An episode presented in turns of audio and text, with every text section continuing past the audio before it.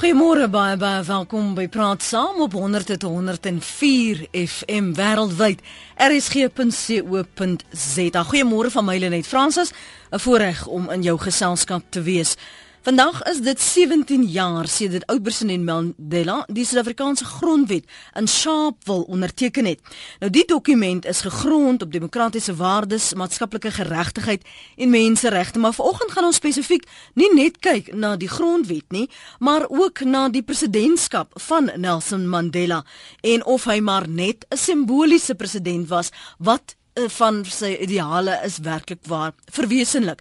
My gaste vanoggend is professor Pede Vos, hy's grondwetkenner en Ibrahim Fakir, hy's 'n politieke ontleder. Môre Peer, môre ook aan jou Ibrahim. Goeiemôre. Uh hi, um, goeiemôre. Kom ons praat eers gou met met jou Peer. Vandag 17 jaar gelede wat Mandela die onder die grondwet in Sharpeville onderteken het. Um jy skryf daaroor gee ons agtergrond van hoe dit saamgestel is as ons so die heeltyd sê wel dis een van die beste wat daar is ter wêreld en dit onderskryf werklik al die waardes waarvoor Suid-Afrikaners moet streef. Hoekom is dit so belangrik? Nou, natuurlik is dit belangrik want dit is die dokument wat uh eerstens die reëls uitstel van hoe die land regeer behoort te word maar dit is ook 'n normatiewe dokument. Dit maak dit eintlik bietjie anders as baie ander grondwette in die sin dat dit uh, 'n uh, hele stel waardes bevat van menswaardigheid, gelykheid en vryheid. Ehm um, wat die hele grondwet deur die uh, spek sou mens kon sê. Ehm um, en wat ook rigting gee aan die howe oor hoe om hierdie grondwet uh, te onder uh, te interpreteer en toe te pas. So dit is dit is 'n dokument eintlik wat almal ehm um, wat wat eintlik 'n teken daarstel om 'n nuwe samelewing te skep, skep met nuwe waardes weg van die van die tipe van waardes wat gegeld het die, uh, tydens die apartheidsera waar mense se menswaardigheid nie erken is nie. So dit, dit is eintlik 'n baie aspirerende dokument. Dit dit so dit dit is nie alleen 'n dokument wat mense nou hier kan uh, gebruik om jou regte te beskerm nie, maar dit is ook 'n dokument wat probeer om 'n nuwe tipe van samelewing te skep waar mense se menswaardigheid werklik uh gerespekteer sal word. As dit vir jou fakir mooi op papier, maar sien jy dit in ons Suid-Afrikaanse samelewing? Ehm um, eerstens verskoon my as ek Engels praat. Ehm ja. um, anders sou ons gaan baie baie talk praat in Afrikaans.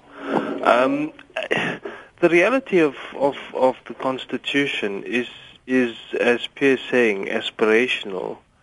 Um, and so obviously I don't think we're going to see everything that is contained in the Constitution actually carried out in practice. And I think there are two areas in which um, we see that there's an increasingly marked difference between what appears on paper and what actually happens in practice. The first is in the area of socioeconomic rights, which of course fairly innovatively but not, not, not singularly, so we're not alone in this enshrinement of socio-economic economic rights. We're one of the few countries that do, though.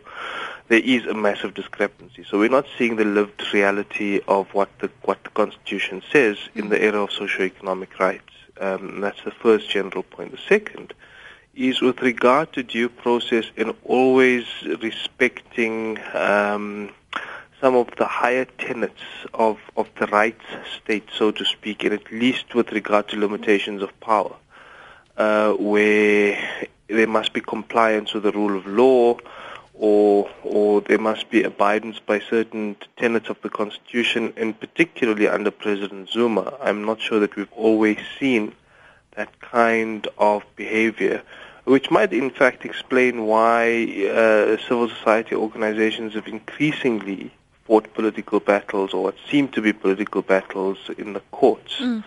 Um, and then there is a, there is a third area in which there has been this creeping, uh, in some instances, even violation of, of, of basic constitutional political rights. Uh, and if you ta- if you ask uh, Shack dwellers movements such as the Abahlali or other social movements, that um, and you can also think of the Media Masia case where. Mm a foreign national from Mozambique was dragged behind uh, a police vehicle. So increasingly a violation of these basic rights to protest and organize uh, and express yourself.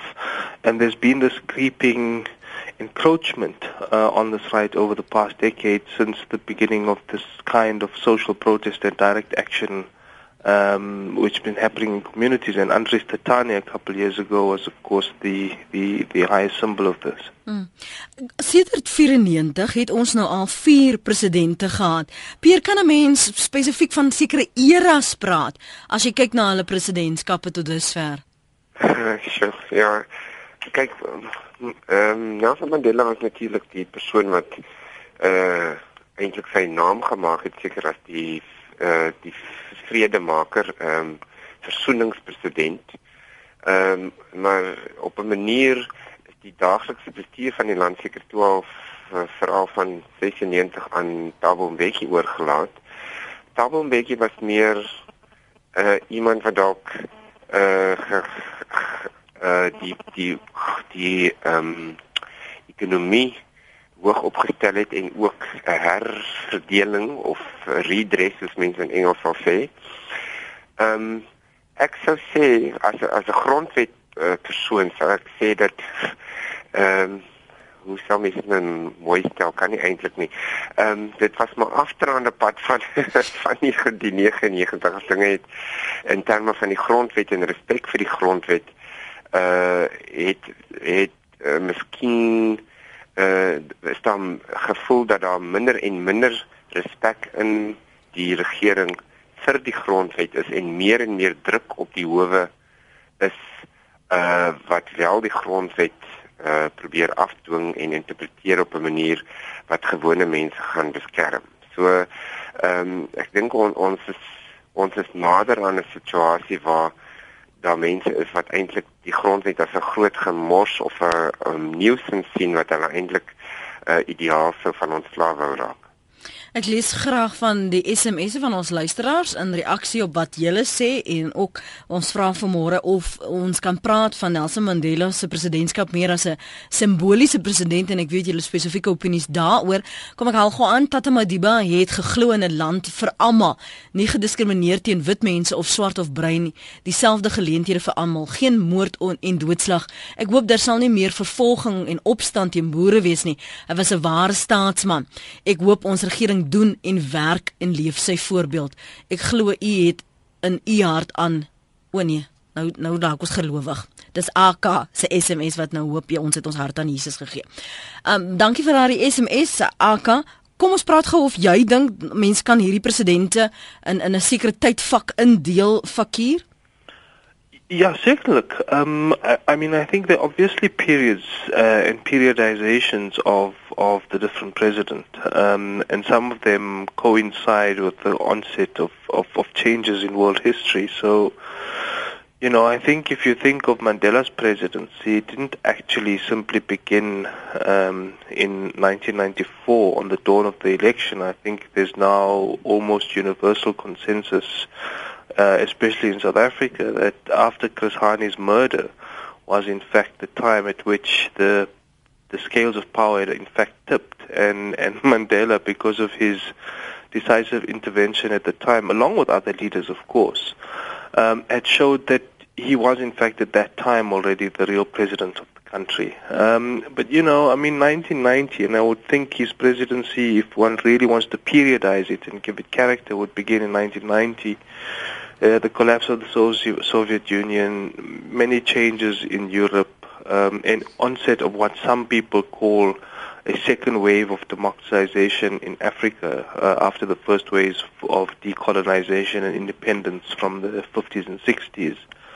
So it coincided with that, his release from prison. Um, uh, but but you know, and in 1994, in historical terms, it's not a very long time after these monumental changes start happening uh, in the world, but it's also a greater intensification of globalization and the way in which globalization starts to starts to happen.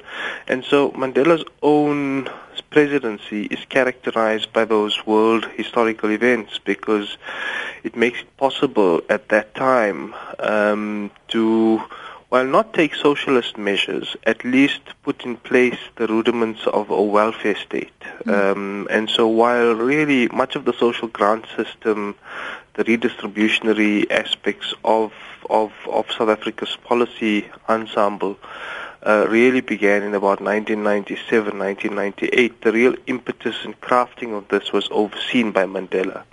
Uh, of course, Mbeki's was much less uh, the construction of a welfare state, but more the implementation of the welfare state. And as Pierre is saying, uh, a much greater emphasis on the domestic economy, uh, and no doubt um, also a focus on international relations and situating South Africa within Africa and then within the world, but also realigning global relationships. So, re, you know, reformulating South Africa's relationships with India, with Brazil, with China, with other developing countries, while at the same time maintaining through the progressive policy network relationships with Europe and progressive mm. North African countries like Canada.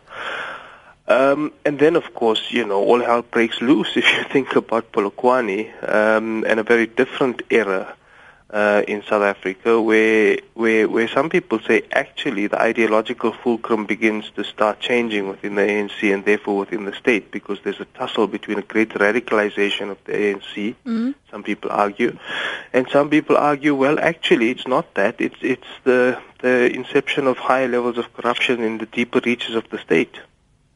But dear na en en maar net 'n eh, 'n voorbeeld is van wat daar gebeur. Nou wentel dit af en nou sien jy dit binne die die organisasie ook. Ons praat vanoggend oor president eh, Nelson Mandela se presidentskap van uh, eh, 94 tot 99. Was hy vir jou net simbolies um Pier want as jy dink die die eer waarin hy aan bewind gekom het as mense dit nou so wil noem die die oorgang na van van wat voor apartheid na 'n demokrasie was daar meer meer druk op hom om almal nou bymekaar te bring om nou te wys maar ons gaan dinge anders doen en hoe besluit 'n mens dan met wie jy jouself omring? Wel, jy sien ek dink mense uh, uh, nou dat is in hierdie dae natuurlik is daar mense ehm um, het hulle eie geheue wat miskien nie heeltemal korrek is nie oor wat gebeur het en en mense soos hulle in Engels sê airbrush bietjie die geskiedenis. Mense moet onthou dat Mandela uh was die leier van die ANC en het altyd so opgetree en gesê wat hy doen is kollektief deel van wat die ANC wil doen. Partykeer het hy net sy eie kop gevolg. Hy was ook maar 'n korrelkop partykeer, maar ehm um, dit was a, dit was 'n ANC regering wat aan die bewind gekom het. En in die begin van daardie proses was dit dit was so 'n spraakspring geweest waar waar enigiets moontlik ge gelyk het en dit is ook in daardie konteks waar die nuwe grondwet toe uh deur die verskillende partye onderhandel is. Ehm um, en ek dink een vir my persoonlik, miskien ek praat miskien nou met my oogklappe aan, maar ek dink een van die die beste dinge wat in in 5 5 jaar termyn gebeur het is juis die skep en die onderhandeling van hierdie grondwet eerstens hmm. en van die grondwetlike hof tweedens en derdens van uh die hele kultuur wat ge, uh, gevestig is wat gesê het ons respekteer die howe wat ewe skielik nou baie mag het en vir ons kan sê as ons nie die grondwet nakom nie. Ehm um, dit was dit was 'n monumentale verandering in die manier hoe geregeer is. O, onafhanklik nou van die feit dat daar vir die eerste keer 'n uh, eh, werklike demokrasie was, uh, het dit ook heeltemal 'n omwenteling in ons regswese te, te meer gepaard gegaan. Mm -hmm. Mm -hmm. So mens moet daarmee meer baie mens moet eintlik sê dit is dit was ook 'n bietjie van 'n ehm uh 'n wonderwerk so, soos die versoening en al die ander dinge wat daarmee gepaard gegaan het. Want in baie ander lande wat uh die koloniale juk afgegooi het of ander lande waar daar uh, een of ander revolusie of ehm um, onderhandelde oorgang was, het mense nie so gedwee hierdie tipe van ehm um, beperkings op hulle mag aanvaar nie. Hmm. Ek ek wil twee dinge vir jou gevra, Fakir, want jy sê jy dink en glo dat meeste van Mandela se ideale het hy verwesenlik. Dis 'n een deel van die vraag en die tweede deel van die vraag is, dink jy dat na sy uittrede of sy party wat hy so ondersteun het of hulle sy ideale um verwesenlik het en daaraan bou. Look, the first question is much easier to answer. That um, you know, did he see much of his life ideals kind of in practice? And I would I would argue that, of course, to a large extent, what was possible uh, under conditions at the time, both contextually in terms of history, in terms of social conditions in the country, and in terms of what an individual, even though working through their organization and their political party in government, was able to achieve, and that and that is to bring, while not as radical as we might like, it was certainly radical for the time, uh, constructing such a large welfare state in, in Africa, which was resource poor, was certainly no doubt a massive achievement. The second massive achievement, and I'm not sure Mandela gets enough credit for this, is to oversee and overturn the negative economic growth that South Africa had inherited from apartheid. So literally you had a country in what they call in economic technical terms stagflation, very high interest rates and extremely high inflation. Literally that was turned around a situation of turning around um, foreign direct investment in the sense that it suddenly became 3% of GDP, whereas at the point of the transition, uh, it was almost one and a half or, mm. or so percent. So, you know, big changes in the economy, a turnaround uh, in what the economy was, and then of course, who can who can who can question uh, the gift of equality, liberty, and freedom? Uh, which as a black South African is is of course the most enduring legacy, and that could only have come about um, if there was the sustained radicalism which now appears as Pierre saying uh, to have been airbrushed from history, uh, because that legacy could not have come about if, if, if Mandela was not there. The third was in the area of state reconstruction and state building, and while largely that's in fact the legacy of Thabo Mbeki, it was begun under Nelson Mandela with a vision of an integrated, united democratic South Africa, which was underpinned by a constitutional state.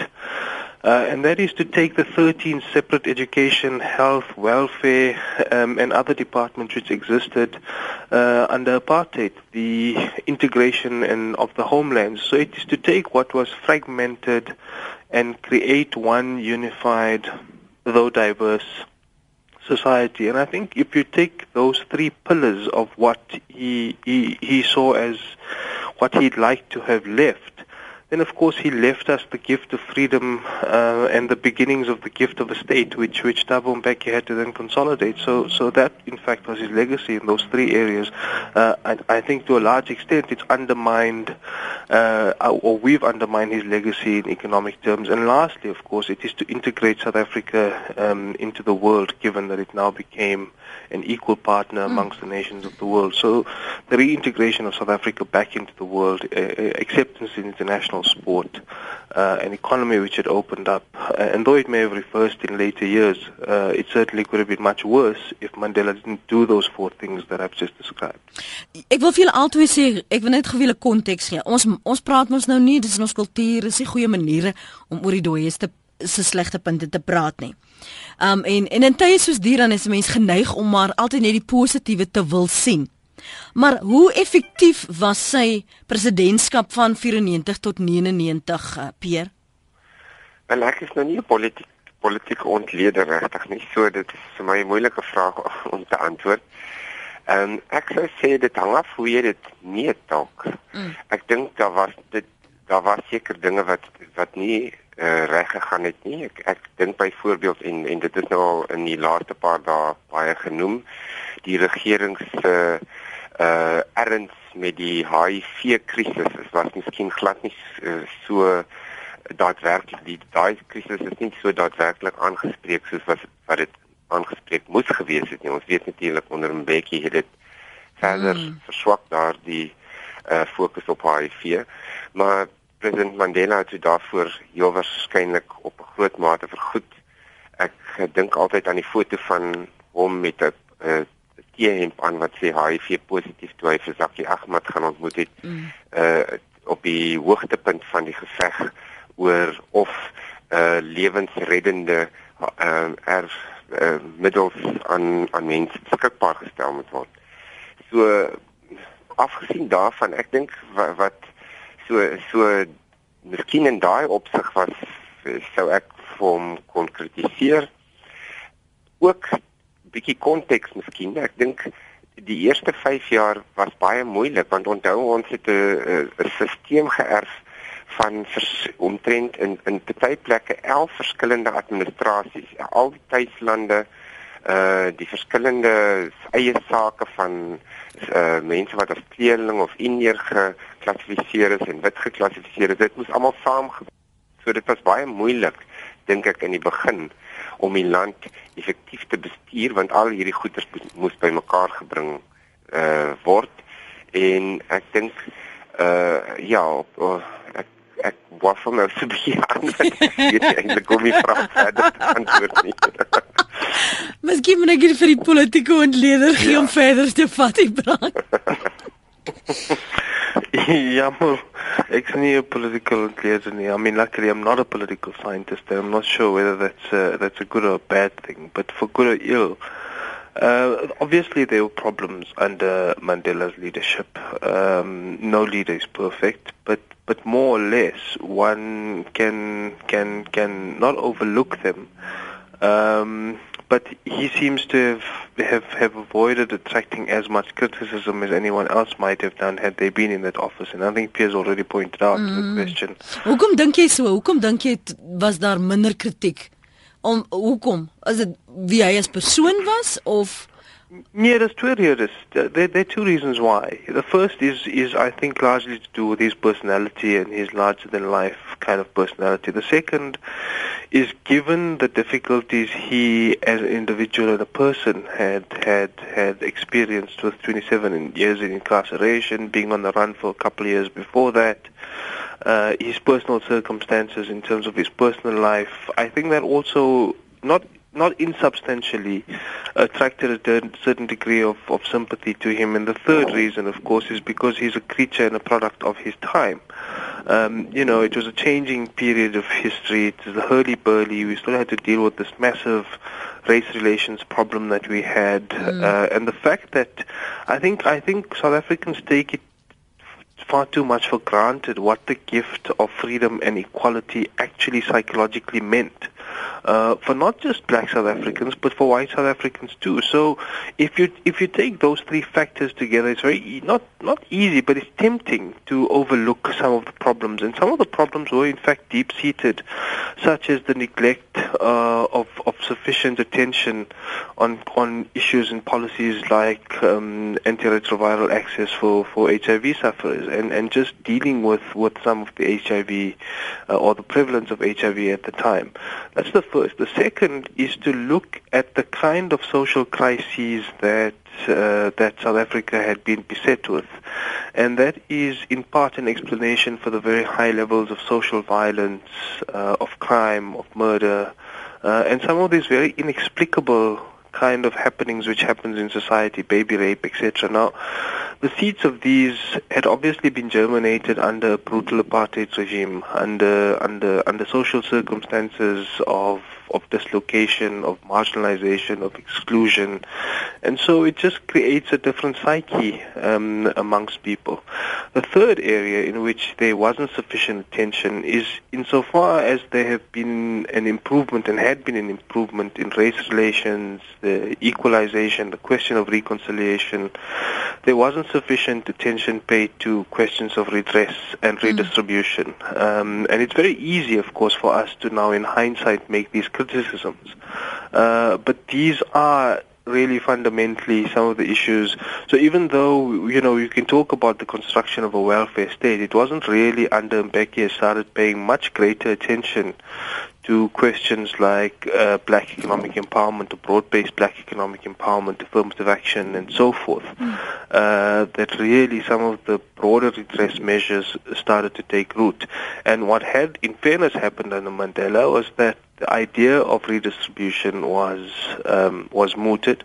Uh, some of the policies had begun germinating and it started taking shape and form, uh, but it certainly wasn't uh, as efficient and effective as it could be. And this leads to the fourth area, which is in the area of social justice. So while mm-hmm. you're focusing on a lot of questions of reconciliation, of course, the reconciliation re- uh, trumps redress and social justice.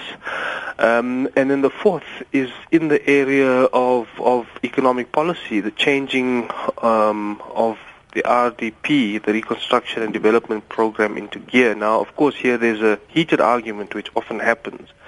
And people say it was Mandela which began the retreat into the neoliberal state. And I think that's a very easy argument to make. It's a very cheap argument to make because, you know, if South Africa's social welfare looks, uh, system looks the way it does and we mm. spend close to two-thirds of our budgets on, on, on social welfare related expenditure, whether it be in health or education, if you include those two, then it is two-thirds of the budget. You know, that can't easily be called the neoliberal state. Um, and, and so those are the areas in which there's criticisms. And then the last, which is related to the question of social justice, is to get the Truth and Reconciliation Commission to actually uh, germinate the seed of accountability. Um, and because, you know, we weren't able to extract in historical terms accountability for what happened, particularly mm. for those people who administered and executed apartheid, uh, and then on the flip side of that, not get the kind of, of redress that goes with, with expressing the truth. And in some cases, we didn't even get the truth, and the inability to force that out. Um, is another. But you know, I mean, these are all these all have to be mm. historically situated, and they aren't necessarily the fault of one individual. En klink klaar 'n direkte antwoord daarop nie. 0891104553. Vandag is dit 17 jaar sedit oud president Mandela die Suid-Afrikaanse grondwet in Sharpeville onderteken het vanoggend uh, met die land en die wêreld wat 'n roudiens bywoon hier in Soweto. Vra ons as ons terugkyk na sy presidentskap wat het dit gelewer opgelewer wat het verander en jy's welkom om op in te weeg daaroor. Kom ek lees vir julle al twee en die res van ons luisteraars wat van julle skryf op ons SMS lyn. Papier is geduldig sê iemand, mense bly mense. Ek is verstom om te hoor dat staatshoofde by die begrafnis ingedeel moet word sodat die wat kwaad is nie langs mekaar sit nie. Ek dink dit maak absoluut sin, soos wanneer jy nie langs iemand wil sit in die kerk wat jy regtig van hou nie. Ek dis waarop dit neerkom want hoekom sal 'n mens nou by so 'n geleentheid nog wil bekgevegte hê?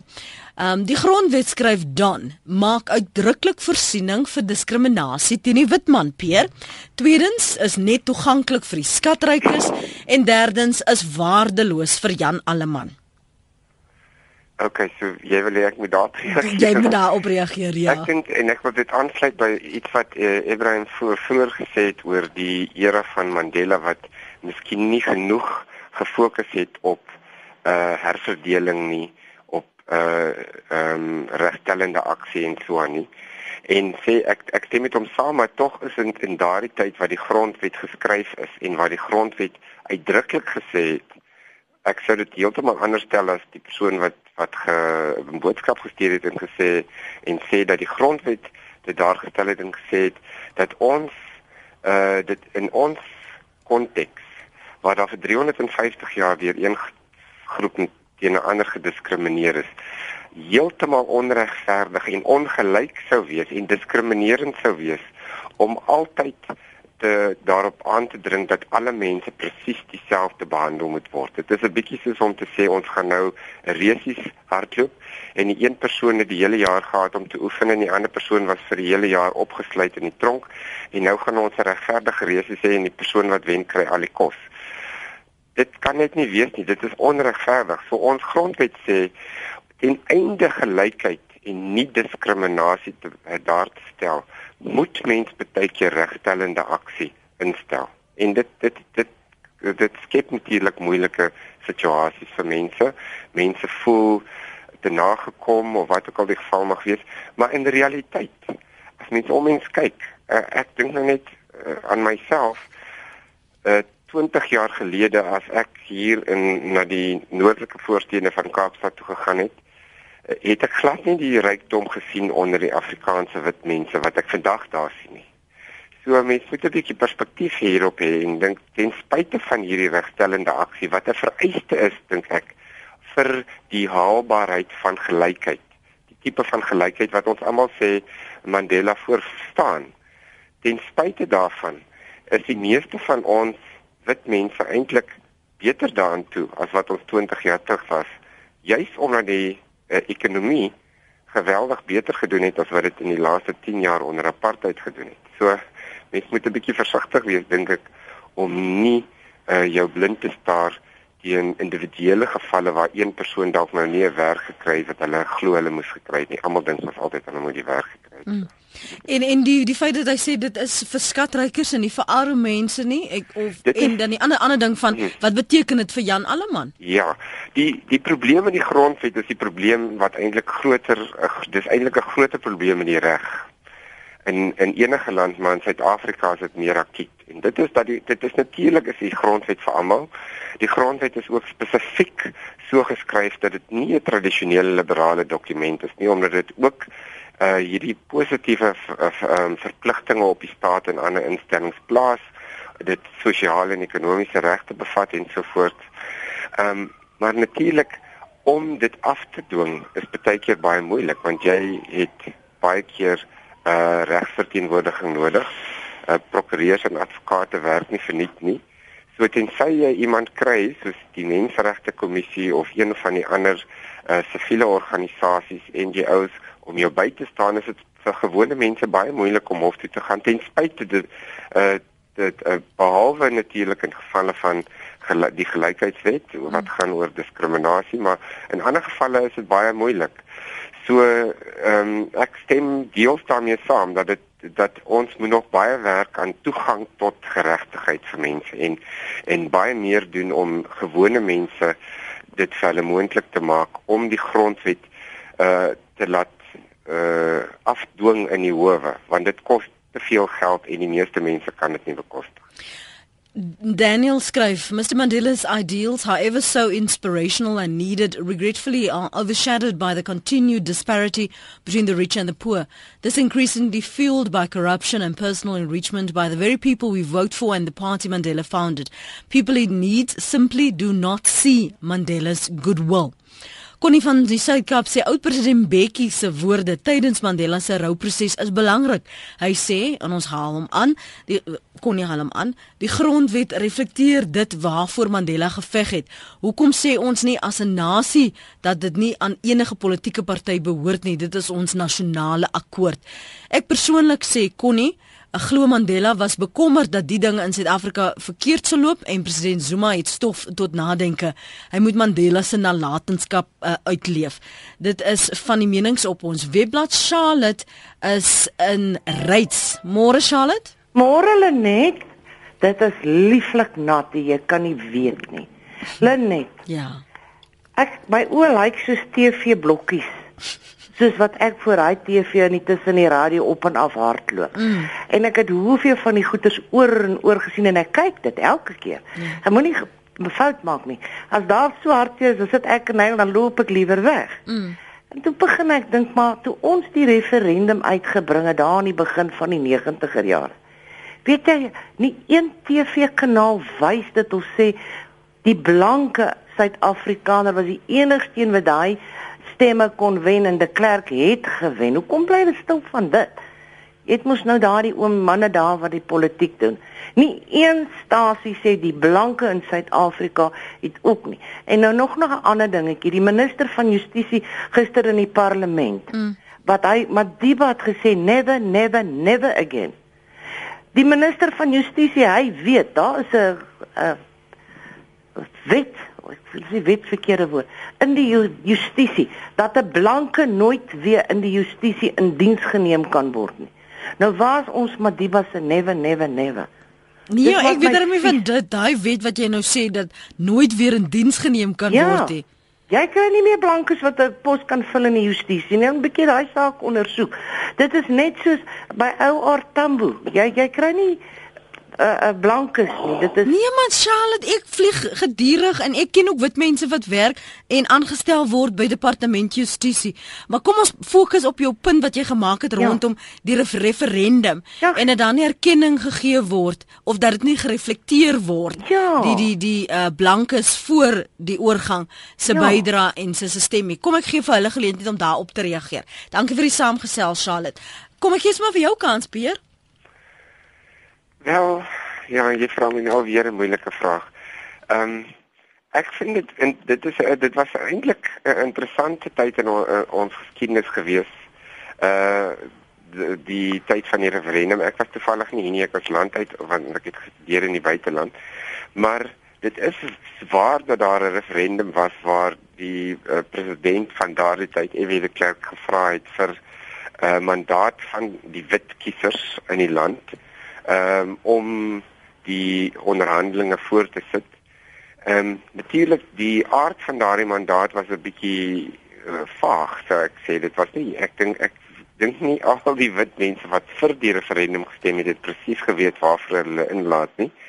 Ehm um, maar dit was nog steeds merkwaardig gegee word die geskiedenis van uh, apartheid uh, dat die meerderheid van die mense daarvoor gestem het. Ek uh, my pa het altyd gesê uh, ek weet nie of hy waar was nie dat een van die redes hoekom almal vir die referendum gestem het is omdat uh, almal het geweet as hulle daarvoor stem dan gaan ons rugby en ons cricketspanne weer kan speel. En internasionaal kan speel. Mense stem vir verskillende dinge, maar ehm um, ek dink die probleem is wat gebeur het na 1994 en dat eh uh, daar miskien nog ehm um, klem gelê is op die dat dat daar van wit mense se kant ook gebare gemaak moet word om versoening teweeg te bring. En ek voel daar dit is 'n geleentheid wat gemis is. Dat daar was 'n tyd toe Mandela al hierdie wonderlike goed gedoen het soos na Betsy verwoes toe gegaan het, kon in die wit gemeenskap op die Eh, die referendum voortgebou het deur op meer of op simboliese of op ander maniere uh in woord en daad ook te bewys dat hulle bereid is om te versoen en dat versoening saamgaan met geregtigheid. Dat versoening is nie blind wees vir ongeregtigheid van die verlede en van die hede nie. En dit is 'n moeilike proses en en ek voel miskien eh, het het dit die die gehelp om die om die atmosfeer 'n bietjie te versier en sou dit makliker vir ons almal gewees het as ons as wit mense bietjie meer gedoen het om versoening daadwerklik te ondersteun en en uh in woord en daad. Gepraat van as ons meer gedoen het, wil ek vir jou vra Fakir, hoe hoe dink jy is ons besig om die Mandela droom dan te verloor? Het ons genoeg gedoen? Behoort ons meer te doen? Om dan met mekaar te vereensalwig, te versoen. Ja, ons almal het nie genoeg uh, genoeg gedoen uh nie. Uh I mean the, the reality is no as society and we often try and shift the blame on government but I don't think as society we've done enough. Mm. If you if you simply think of Mandela's more modest dream, I'm not talking about the higher dreams of, of equality and, and complete freedom. I'm talking about simple dreams of recognition um, of blacks, of fellow fellow South Africans, of recognition of the circumstances under which they live. So if you simply look at the sociology of our society, I'm not sure how many people are aware that two-thirds of our population live in extremely dire circumstances. If you think of, of just Johannesburg, um, and you think of Alexander Township next to um, Santon, you think of people living on the banks of the river, um, and not on the banks of the river in any degree of comfort, but in shacks where it's overflowing, where there's dirt, sewage for surrounding them. And this is not because people want to or choose to live that way. Uh, it's because this is what history has given them. So even at the simple level of recognition uh, of our fellow South Africans and fellow citizens, there is a lack of awareness. Uh, there's an increasing divide. And one of your call, one of your SMSs right says our problems is the deep and increasing inequality, um, unfairness, social powerlessness, uh, made worse, of course, by corruption, and no one excuses that. But the inequality is not uh, manufactured. It's not just made up. Uh, it's almost deliberate in part that derives from our history. In part, it's it's derived from inappropriate policy choices in some cases. In part, it's also a failure of the private sector to have come to the party. Um, 560 billion rands currently sit in in the private sector. Very little of that, or none of it, of course, is being reinvested in research and development, in the expansion of, of, of new products, in job creation, um, in market development. Mm. So 560 billion rand in the private sector. And look at the complexion of the Johannesburg Stock Exchange. Currently, 17% of holdings are in black hands. Uh, you know, 17% is nowhere near 50%. So no, as society we haven't done enough. Mm. Has has government done enough?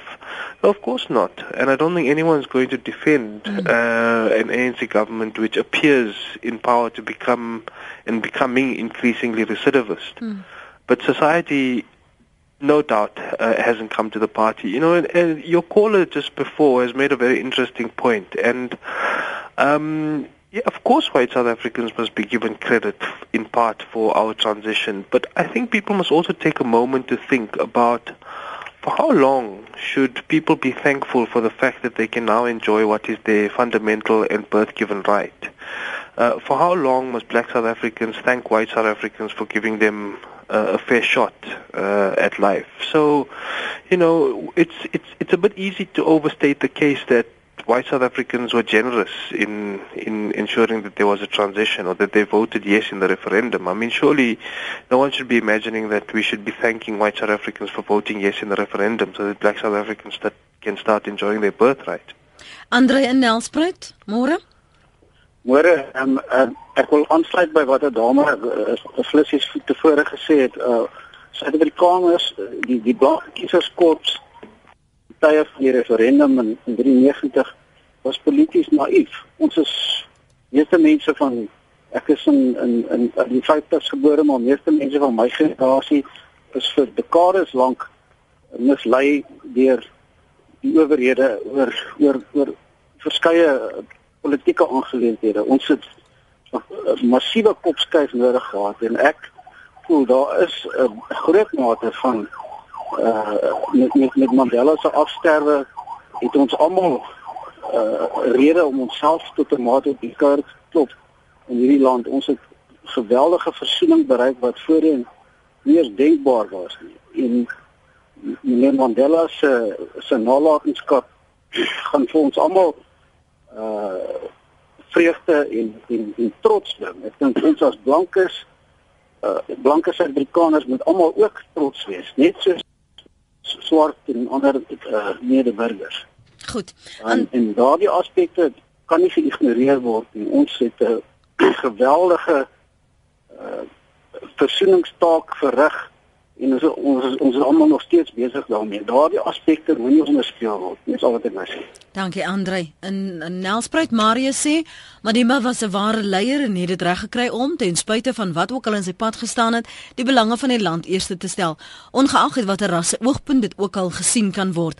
Hy het op verskeie geleenthede met teenkanting van sy politieke party die regte moeilike besluit tot 'n beste belang van die land se toekoms en rekonsiliasie geneem.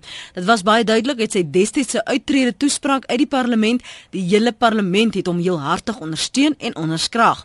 Die verskil egter tussen toe en nou is dat ons leiers, oftewel president dit totaal reg kry om die teenoorgestelde te doen.